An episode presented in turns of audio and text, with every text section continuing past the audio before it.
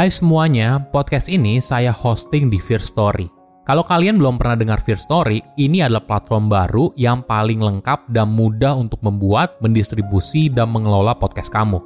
Nah, jadi Fear Story itu bisa kamu gunakan 100% gratis. Kamu bisa mengupload episode terjadwal dan mendistribusikan podcast kamu di semua platform podcast di Indonesia. Fear Story juga menyediakan customer service yang berisikan podcaster berpengalaman kamu bisa share podcast kamu tanpa ribet dengan F-Link yang akan mencakup semua link platform kamu dan sosial medianya.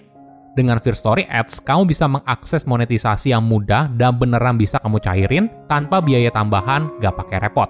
Jadi tunggu apa lagi? Yuk maksimalkan podcast kamu dengan platform hosting dari Fear Story. Daftar sekarang di fearstory.me dan buat podcastmu jadi kenyataan.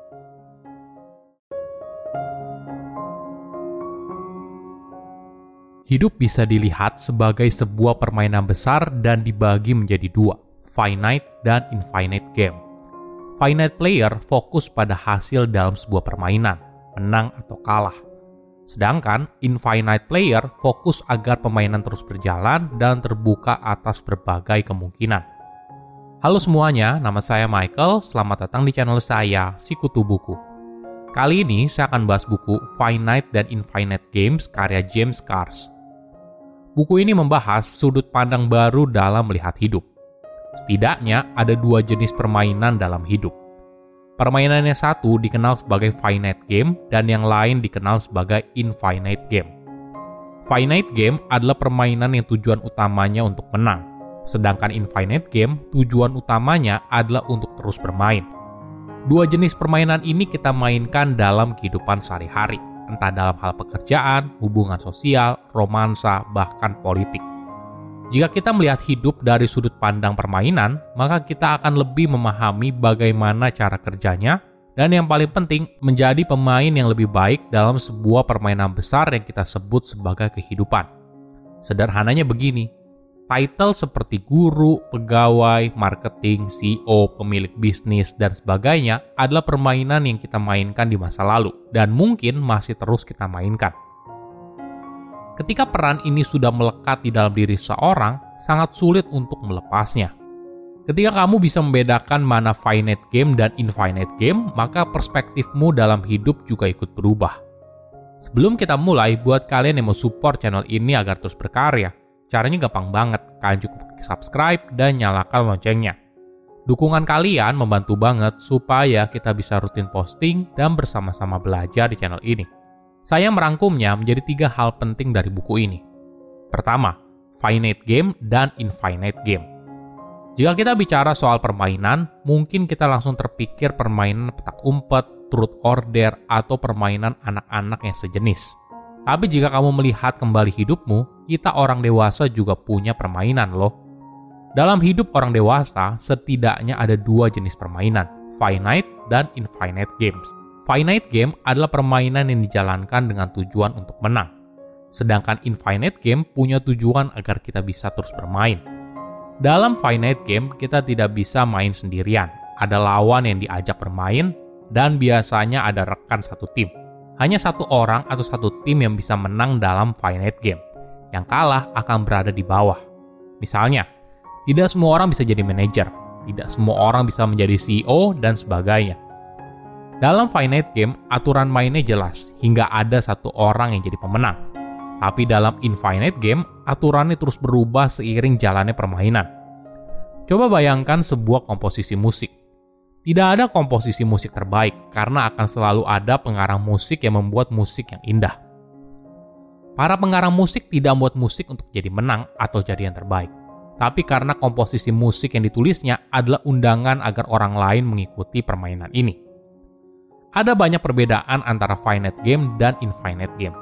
Kamu bisa memilih mana permainan yang ingin kamu mainkan. Ingat, memilih untuk bermain di setiap permainan itu sifatnya sukarela tapi finite player kadang merasa kalau dirinya terpaksa harus main. Padahal sebenarnya, tidak ada siapa pun yang bisa memaksa kamu untuk bermain jika kamu tidak mau. Misalnya begini, kamu tidak bisa jadi dokter apabila kamu tidak melanjutkan pendidikan ke universitas, menjalani program koas, dan sebagainya. Tentu saja, hal ini harus dilalui apabila kamu ingin jadi dokter. Tapi perlu diingat, tidak ada yang bisa memaksa kamu untuk jadi dokter, apalagi kalau kamu tidak mau. Namun sayangnya, kita merasa terperangkap dan tidak punya pilihan. Kita terlalu terperangkap dalam permainan tersebut sampai akhirnya kita tidak sadar kalau kita punya pilihan untuk keluar. Kedua, pola pikir pemain finite dan infinite game. Ketika memainkan sebuah permainan, kita butuh orang lain untuk ikut bermain, entah itu rekan satu tim atau lawan. Tapi ada perbedaan bagaimana pemain di finite dan infinite games melihat permainan itu hubungannya dengan orang lain.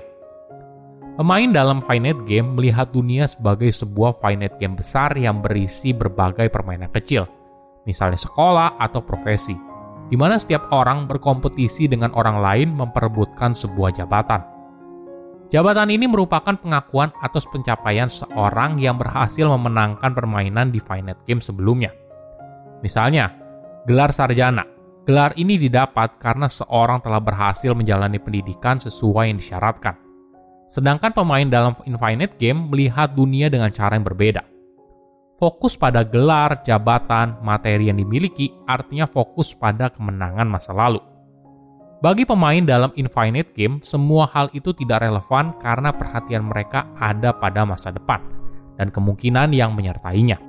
Jadi, pemain dalam Infinite Game lebih fokus pada sebuah visi yang bisa mempengaruhi dan mengunggah orang lain untuk menjalani visi tersebut, daripada fokus memberikan solusi pada satu masalah. Sebagai contoh, jika bicara soal kemiskinan, pemain dalam Infinite Game tidak berhenti hanya memberikan bantuan bagi yang membutuhkan, tapi juga mencari tahu dari mana akar kemiskinan berasal. Seseorang yang melihat dunia sebagai finite game selalu berusaha mendominasi orang lain.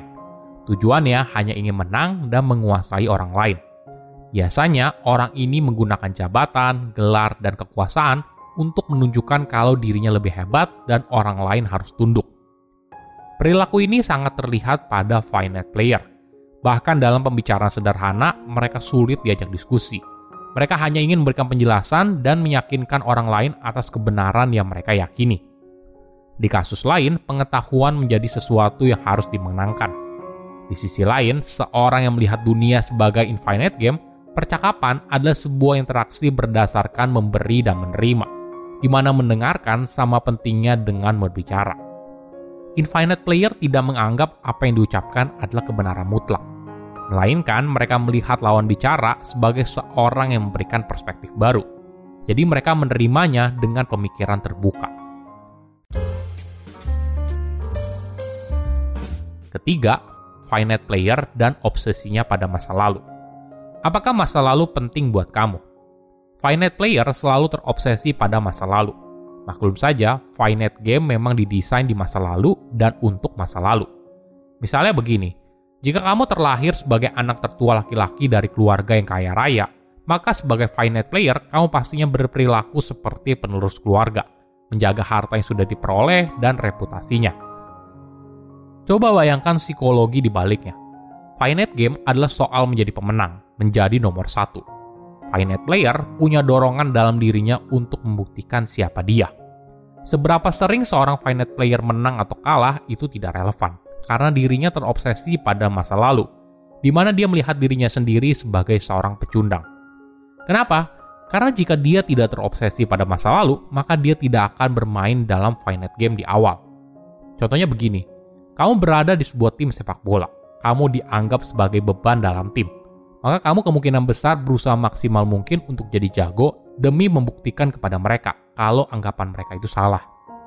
Tapi sayangnya, tidak peduli seberapa sukses yang telah kamu raih, kamu masih merasa kalau diri kamu masih menjadi pecundang yang sama. Karena motivasi inilah yang membuat diri kamu sukses. Infinite Player melihat dengan cara yang berbeda. Mereka membebaskan diri mereka dari jeratan masa lalu. Mereka berdamai dengan masa lalu dengan mengakui kekuatan dan kelemahan yang ada. Bagi seorang Infinite Player, masa lalu adalah sejarah dan bukan penanda masa depan. Karena masa depan berisi begitu banyak kemungkinan. Silahkan komen di kolom komentar pelajaran apa yang kalian dapat ketika baca buku ini. Selain itu, komen juga mau buku apa lagi yang saya review di video berikutnya. Saya undur diri, jangan lupa subscribe channel YouTube Sikutu Buku. Bye-bye.